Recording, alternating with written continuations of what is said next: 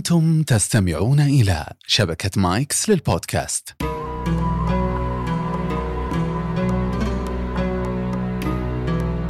الحمد لله والصلاة والسلام على رسول الله. وبعد حياكم الله إلى لقاءاتكم المتتابعة الموسومة بقبل الغروب من شبكة مايكس. حديثنا اليوم عن الأيام الأخيرة في حياة أمير المؤمنين عمر بن الخطاب رضي الله تعالى عنه وأرضاه. عنوان اللقاء الخاتمة العمرية. عمر بن الخطاب أشهر من أن يعرف به. علم من كبار أعلام الأمة عبر دهورها وتاريخها الناصع الممتد منذ أن بعث الله نبينا محمدا صلى الله عليه وسلم.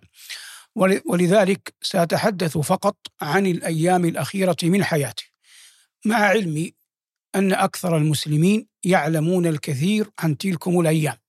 لكن المقصود الاستنباط التدارس أخذ العظات والعبر سواء على مستوى الفرد أو على مستوى الجماعة أو على مستوى الأمة. وأقصد بالجماعة أسرة الإنسان ومن حوله من أصدقائه وخاصته. رجل مثل هذا رضي الله عنه وأرضاه يقول عنه النبي صلى الله عليه وسلم فلم أرى عبقريا يفري فرية جدير وحري أن يتدارس الإنسان شيئا ولو يسيرا من سيرته رضي الله عنه وأرضاه. عمر حكم عشر سنين بعهد من أبي بكر الصديق رضي الله عنه وأرضاه. النبي صلى الله عليه وسلم لما حانت وفاته لم يعين تعيينا صريحا احدا للخلافة. وإلا لو عين ذلك لما اجتمع المسلمون انصارا ومهاجرين في سقيفة بني ساعدة. لكن اتفق المسلمون على بيعة الصديق رضي الله عنه وأرضاه أبي بكر. أما أبو بكر رضي الله عنه وأرضاه فإنه عهد عينا إلى أمير إلى عمر بن الخطاب رضي الله عنه وأرضاه. عهد إليه بالأمر من بعده نصا وكتب ذلك في وصية وقبل ذلك استشار بعض كبار الصحابة. فأصبحت البيعة بعد وفاة أبي بكر مسلمة لعمر رضي الله عنه وأرضاه. هذا مدخل للموضوع.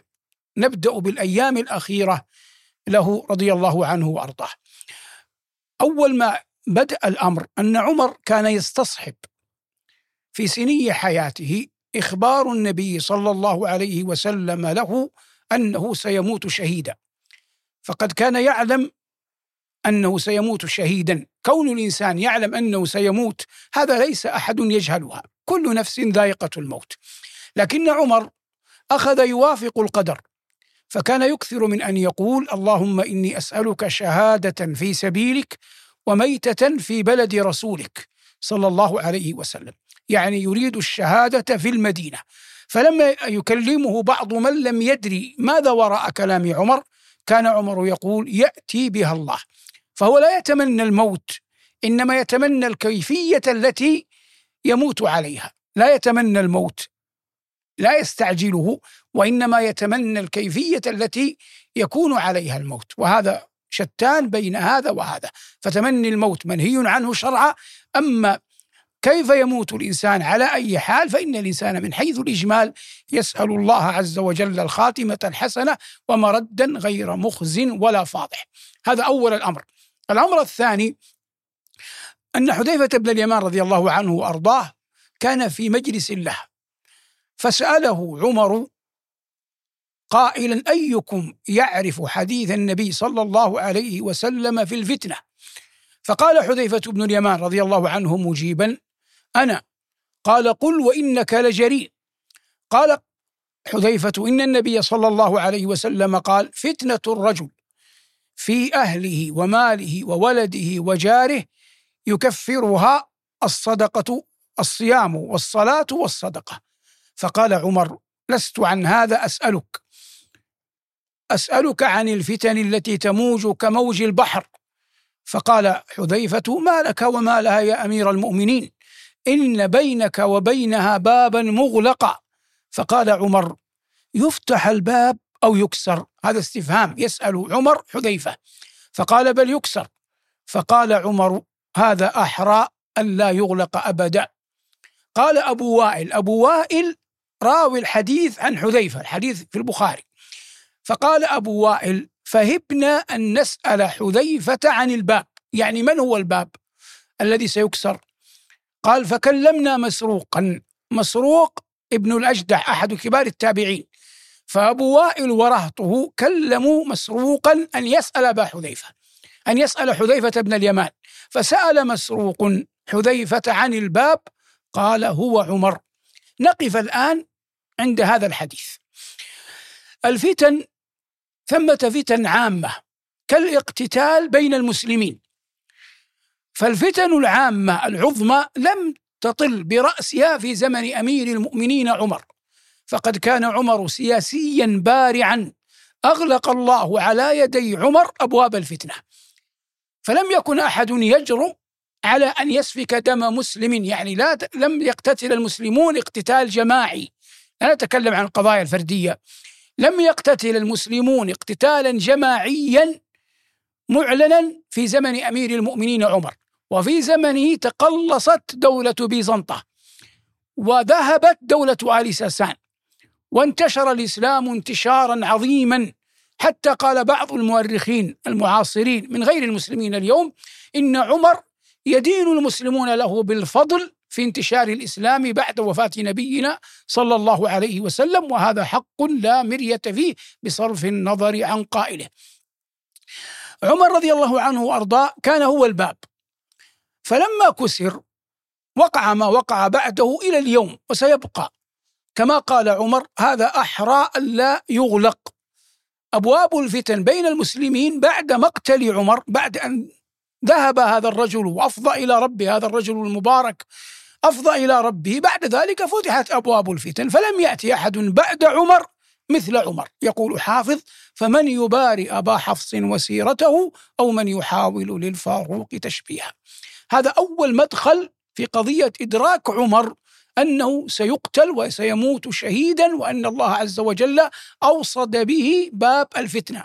أنا أتحدث عن الأيام الأخيرة والخاتمة العمرية تحديدا.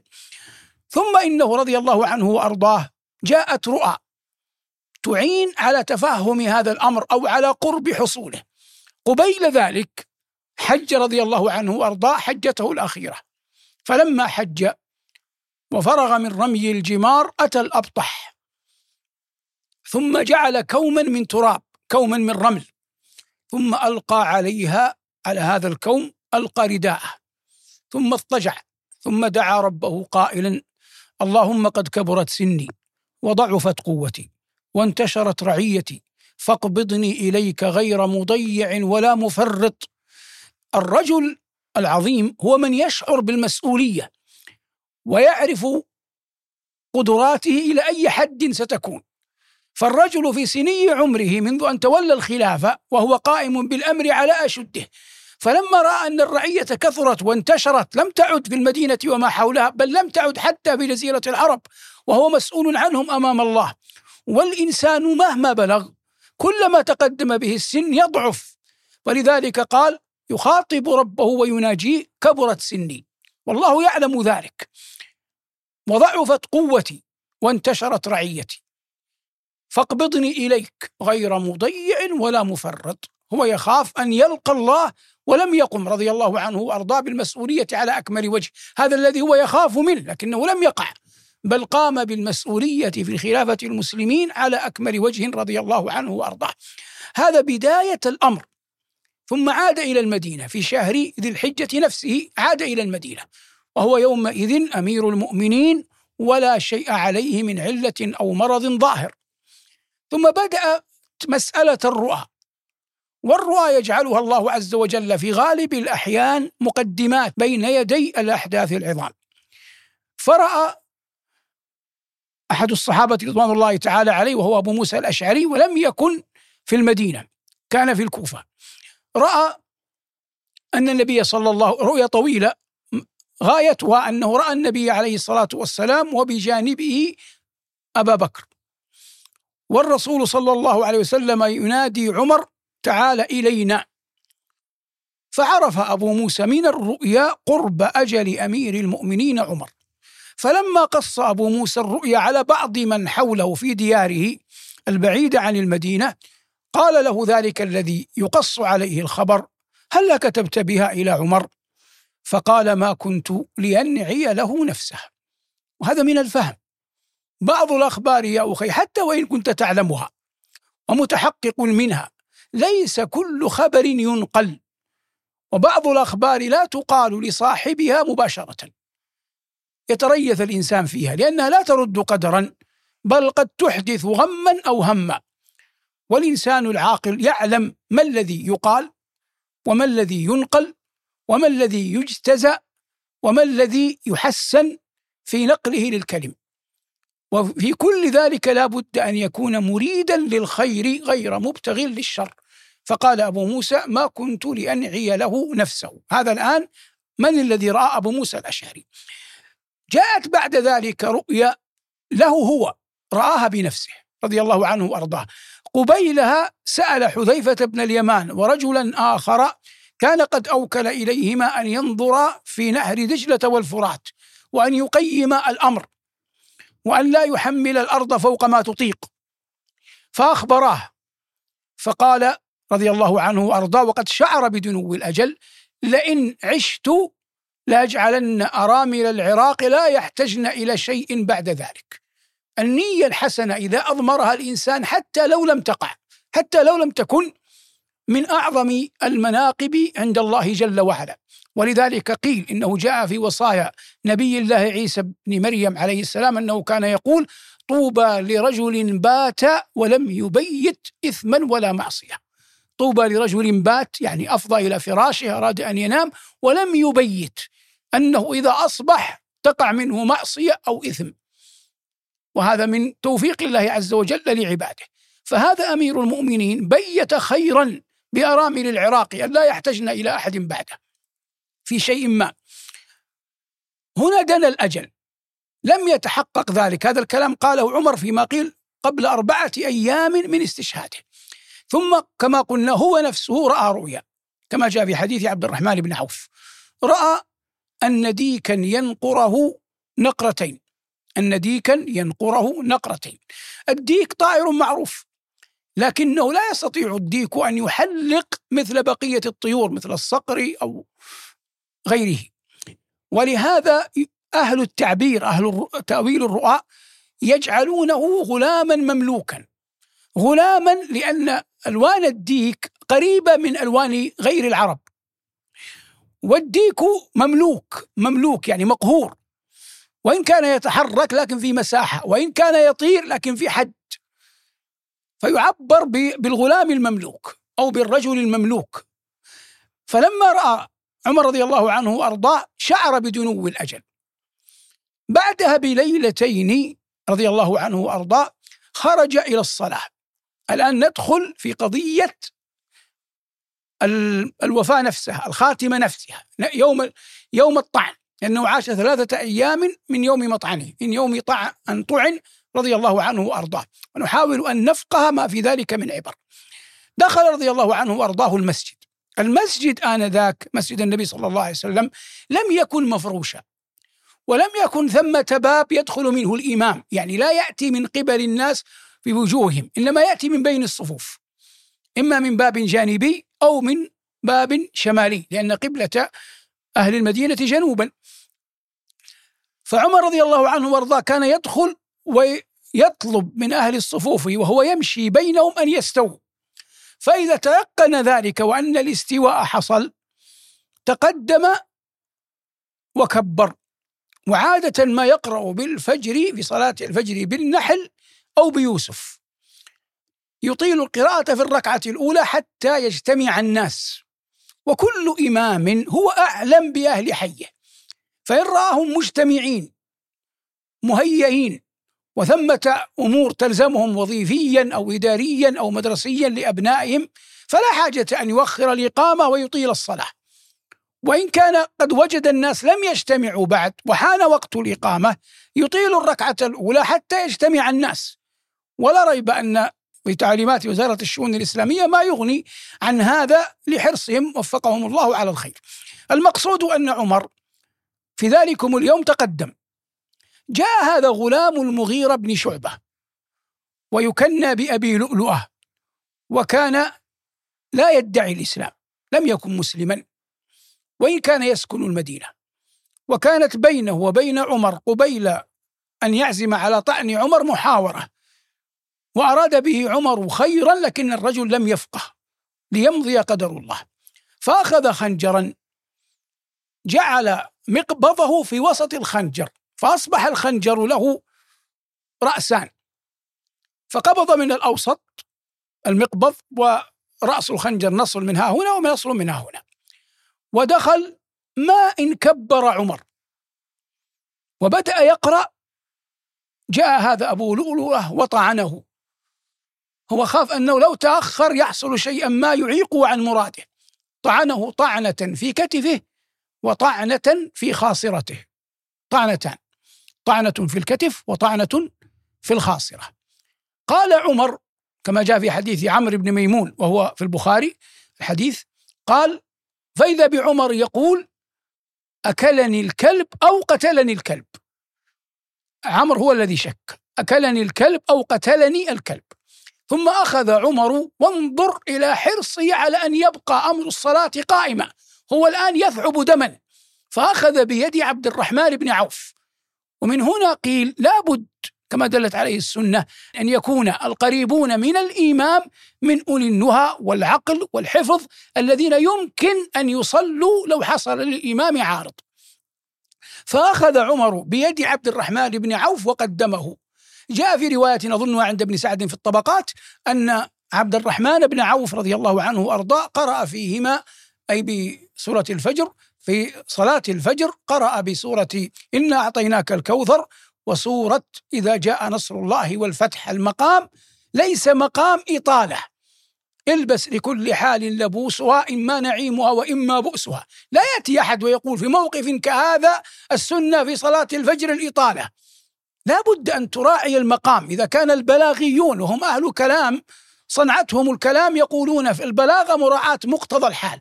فكيف بإمامة الناس وتقدمهم وتصدرهم؟ من باب أحرى أن يراعي الإنسان المقام. فصلى بهم عبد الرحمن بن عوف. يقول عمرو بن ميمون فأما الذين كانوا خلف عمر فقد رأوا ما رأينا. يعني رأيناه وهو يطعن. وأما الذين بعيدون فإنهم تغير عليهم الصوت فأصبح بعضهم يقول سبحان الله سبحان الله يريد أن يأتي متعجبا لا يدري ما حدث. حمل أمير المؤمنين رضي الله عنه وأرضاه إلى بيته. وكان ممن ذهب معه من أول الناس ذهابا معه عبد الله بن عباس. وكان عمر رضي الله عنه وأرضاه يستريح إلى كلام عبد الله بن عباس. مع أن عبد الله بن عباس يومئذ لم يكن قد بلغ الثلاثين لأنه هاجر وعمره خمسة عشر عاما تقريبا. أو ثلاثة عشر عاما تقريبا يوم الف يعني يوم حجة الوداع كان عمره خمسة عشر عاما. وهذا الأمر حصل بعد سبعة عشر بعد يعني سنتين وشهر سنتين وبضعة أشهر خلافة أبي بكر وعشر سنين يعني قرابة بعد ثلاثة عشر سنة. من الهجرة. إذا تقريبا ابن عباس كان في الثامنة والعشرين. وكان عمر كما بينا يستريح إلى قول عبد الله بن عباس. فقبل أن يأتي الناس وخاف عمر أن يموت دون أن يقول قال اعلم أني لم أفتي في الكلالة شيئا. كان يتهيب أن يتكلم في مسألة الكلالة. لم, يت... لم تتبين له وهو عمر. وقال بعد ذلك ولم أعهد إلى أحد بشيء. وذكر أشياء. ثم إنه رضي الله عنه وأرضاه قال ادعوا يا ابن عباس اذهب فانظر من قتلني. لأن ذلك الرجل أبا لؤلؤة لما طعن عمر رضي الله عنه وأرضاه التم عليه الناس فأخذ يطعن حتى طعن ثلاثة عشر رجلا مات منهم سبعة. فلما عرف أحد الصحابة أن الرجل مبالغ في صنعته رمى عليه البرنس. البرنس هو الثوب الذي يتصل رأسه برقبته أشبه ما يسمى اليوم عند الناس بالثياب المغربية. فرماه عليه فلما عرف الكلب أنه مقدور عليه نحر نفسه. نفسه أبو لؤلؤة نحر نفسه فمات.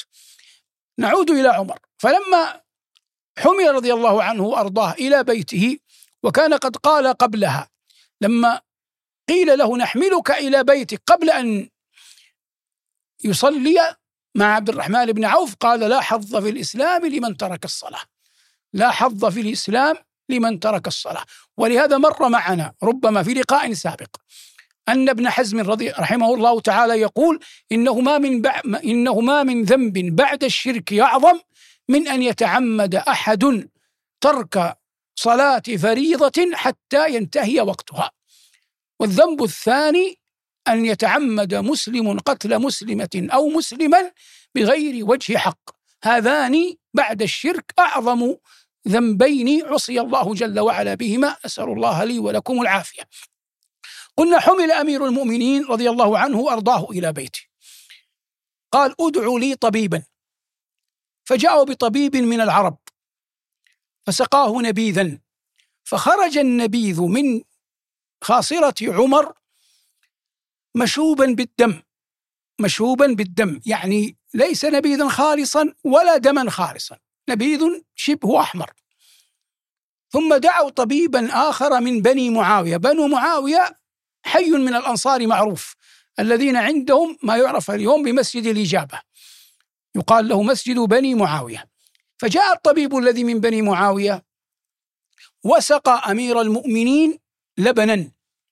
فخرج اللبن من جرحه صلدا صلدا صافيا يعني لبنا محضا خالصا لا يشوبه دم.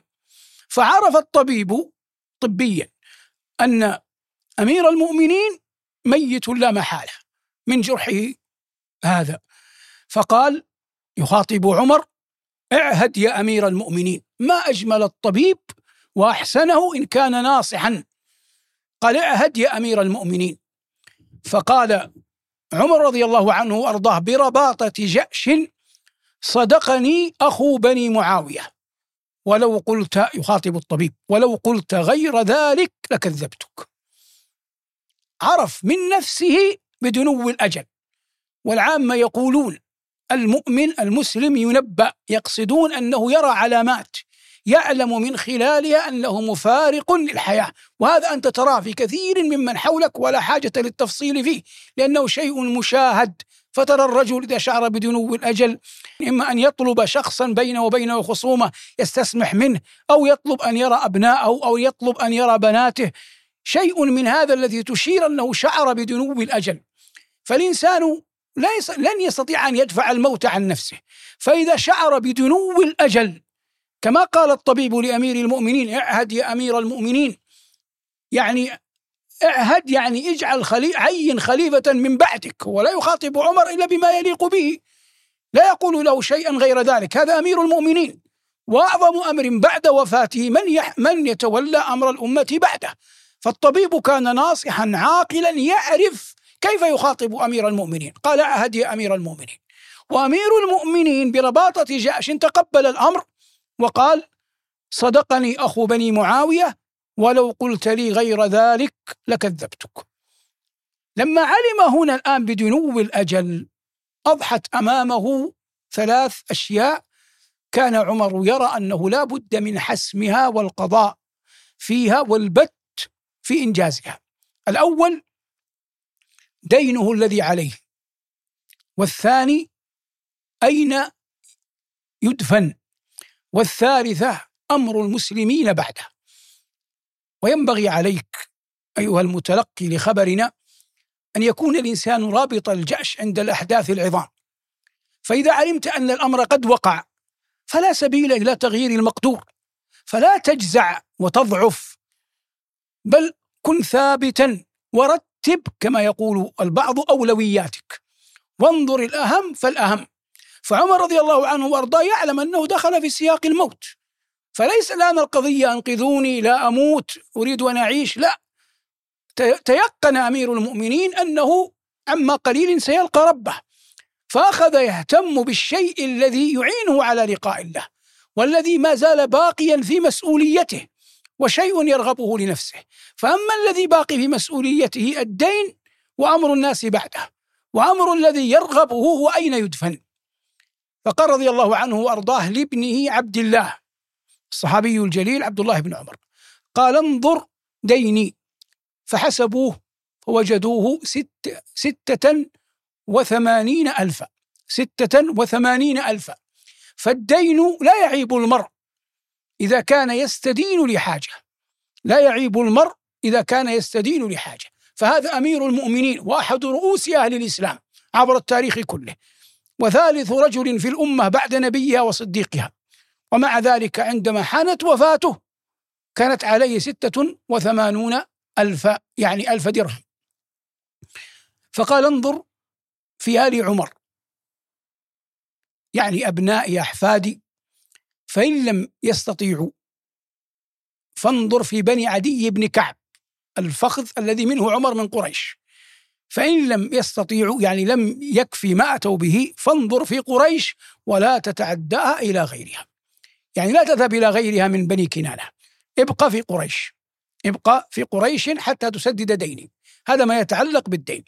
ثم الأمر الثاني مسألة الدفن. فبعث ابنه عبد الله بن عمر إلى أم المؤمنين عائشة وكان يعلم أن الحجرة النبوية التي كان النبي صلى الله عليه وسلم قد دفن فيها ثم دفن فيها صاحبه أبو بكر رضي الله عنه وأرضاه قد بقي فيها متسعا فكان يحبه لنفسه والعاقل لا يقدم في الأمور كثيرة أحدا على نفسه قدمهم في المال في غير المال لا. فبعث إليها عبد الله بن عمر وقل قال له قل لها قل لها عمر بن الخطاب ولا تقل أمير المؤمنين. يستأذن أن يدفن مع صاحبيه. فذهب عبد الله فوجدها تبكي فسألها فقالت لأؤثرنه اليوم على نفسي وقبلت. فعاد عبد الله وأبوه ليس شيء أهم عليه من أن يسمع الجواب. فقال أسندوني فأسندوا ما وراءك يا عبد الله. قال بالذي تحب يا أمير المؤمنين. قال فإذا أنا مت وصليتم علي وحملتموني استأذنوا مرة أخرى خوفا من أن يكون موافقتها أن تكون موافقتها هذه حياء من وجوده. وقولوا لها عمر يستأذن أن يدفن مع صاحبيه فإن رضيت وقبلت فادفنوني وإن لم ترضى فادفنوني في مقابر المسلمين. انظر إلى ورعه رضي الله عنه وارضاه حتى بعد الوفاة. أي شيء يملكه غيرك لا يحق لك أن تأخذه منه بسيف الحياة وإنما يحل ما في أيدي الناس عن طيب نفس منهم. ولهذا الله عز وجل لما ذكر المهر قال فإن طبن عن شيء لكم منه نفسا فكلوا هنيئا مريئا. إذا طابت أنفسهم لا بأس أما بسيف الحياة أو بسيف الجبروت من باب أولى لا يجوز يبقى سحتا ولو استطعت أن تأخذه. فقال رضي الله عنه وأرضاه افعلوا كذا وكذا لأنني وقتها لست للمؤمنين أميرا. الآن فرغ رضي الله عنه وأرضاه من أمر الدين وفرغ رضي الله عنه وأرضاه من أمر أين يدفن. بقي في الأمر الأعظم وهو الخلافة من بعده. فقيل له استخلف اعهد يا أمير المؤمنين. فقال إن أستخلف فقد استخلف من هو خير مني يقصد أبا بكر. فأبو بكر كما قلنا في أول اللقاء عينه استخلفه عين عمر وإن لم أستخلف فقد ترك من هو خير مني يقصد النبي صلى الله عليه وسلم. ما زال الناس به يلحون عليه. فلم يستخلف ويعين أحدا بعينه منفردا بالخلافة كما فعل الصديق ولم يترك الناس كما فعل النبي صلى الله عليه وسلم. اختط طريقا ثالثا. هذا هو العقل في التعامل مع الأحداث. النصوص يستضاء بها. تكون نبراسا للفقيه للعالم للمفتي للحاكم للأمير للملك لكل أحد. لكن الإنسان يبتلى كيف ينزل تلك النصوص على الواقع؟ ما الشيء الذي لا يمكن أن يتغير؟ العبادات. فالصلاة والزكاة والصوم والحج هذه العبادات الأربع لا دخل للزمان والمكان فيها. هي كما فرضها الله وهو المعني بقول الله تعالى اليوم أكملت لكم دينكم. أما بعض الأمور فهي قابلة لأن تتبدل تتغير ليست كلها كثير منها. فهو رضي الله عنه وأرضاه لم يستخلف عمد إلى طريق آخر. قال لا أجد إلا الستة الذين توفي النبي صلى الله عليه وسلم وهو عنهم راض وسمى. عثمان بن عفان وعلي بن أبي طالب وسعد بن أبي وقاص وعبد الرحمن بن عوف والزبير بن العوام وطلحة بن عبيد الله. الآن نحاول نقرأ بالتفاف يسير. من هم العشرة المبشرون بالجنة؟ هؤلاء ستة منهم. بقي كم؟ بقي أربعة. أبو بكر وقد مات قبل ذلك. اذا بقي كم؟ ثلاثة. عمر هو نفسه الذي سيوصي خرج عن العشرة ستة أوكل إليهم واثنان الآن أحدهما مات هو أبو بكر وأحدهما هو صاحب القضية وهو عمر.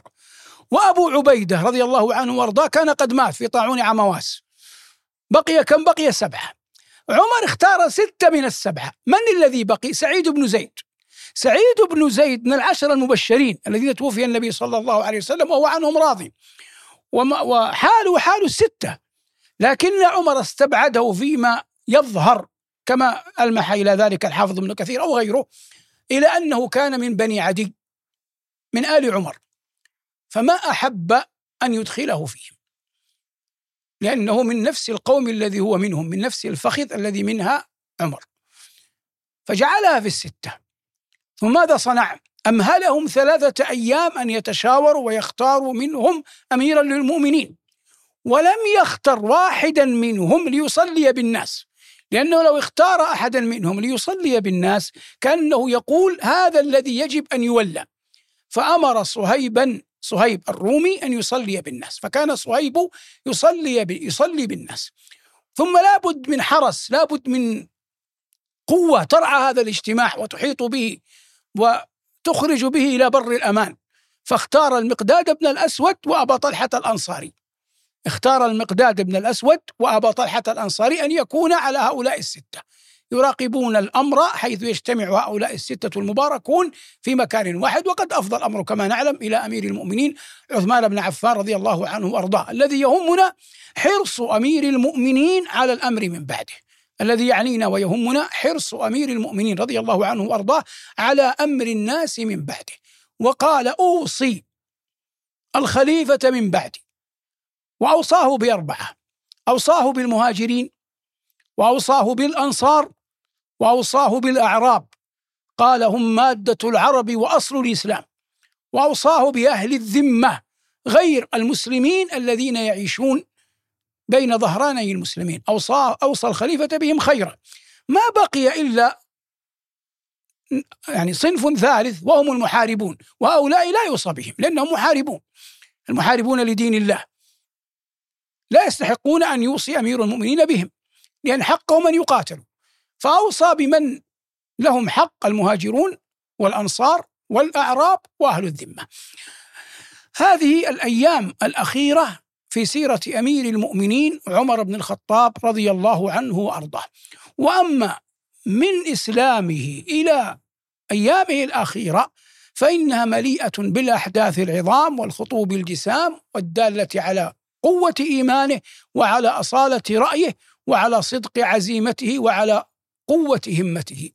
وقد ساس الناس رضي الله عنه وأرضاه عشر سنين وكما قلنا في أول اللقاء حسبك قول النبي صلى الله عليه وسلم فيه فلم أرى عبقريا يفري فريه.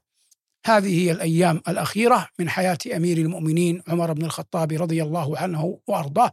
قلناها على وجه الإجمال حاولنا أن نتدارس شيئا من الفوائد فيها. والله المستعان وعليه البلاغ وصلى الله على محمد وآله والحمد لله رب العالمين.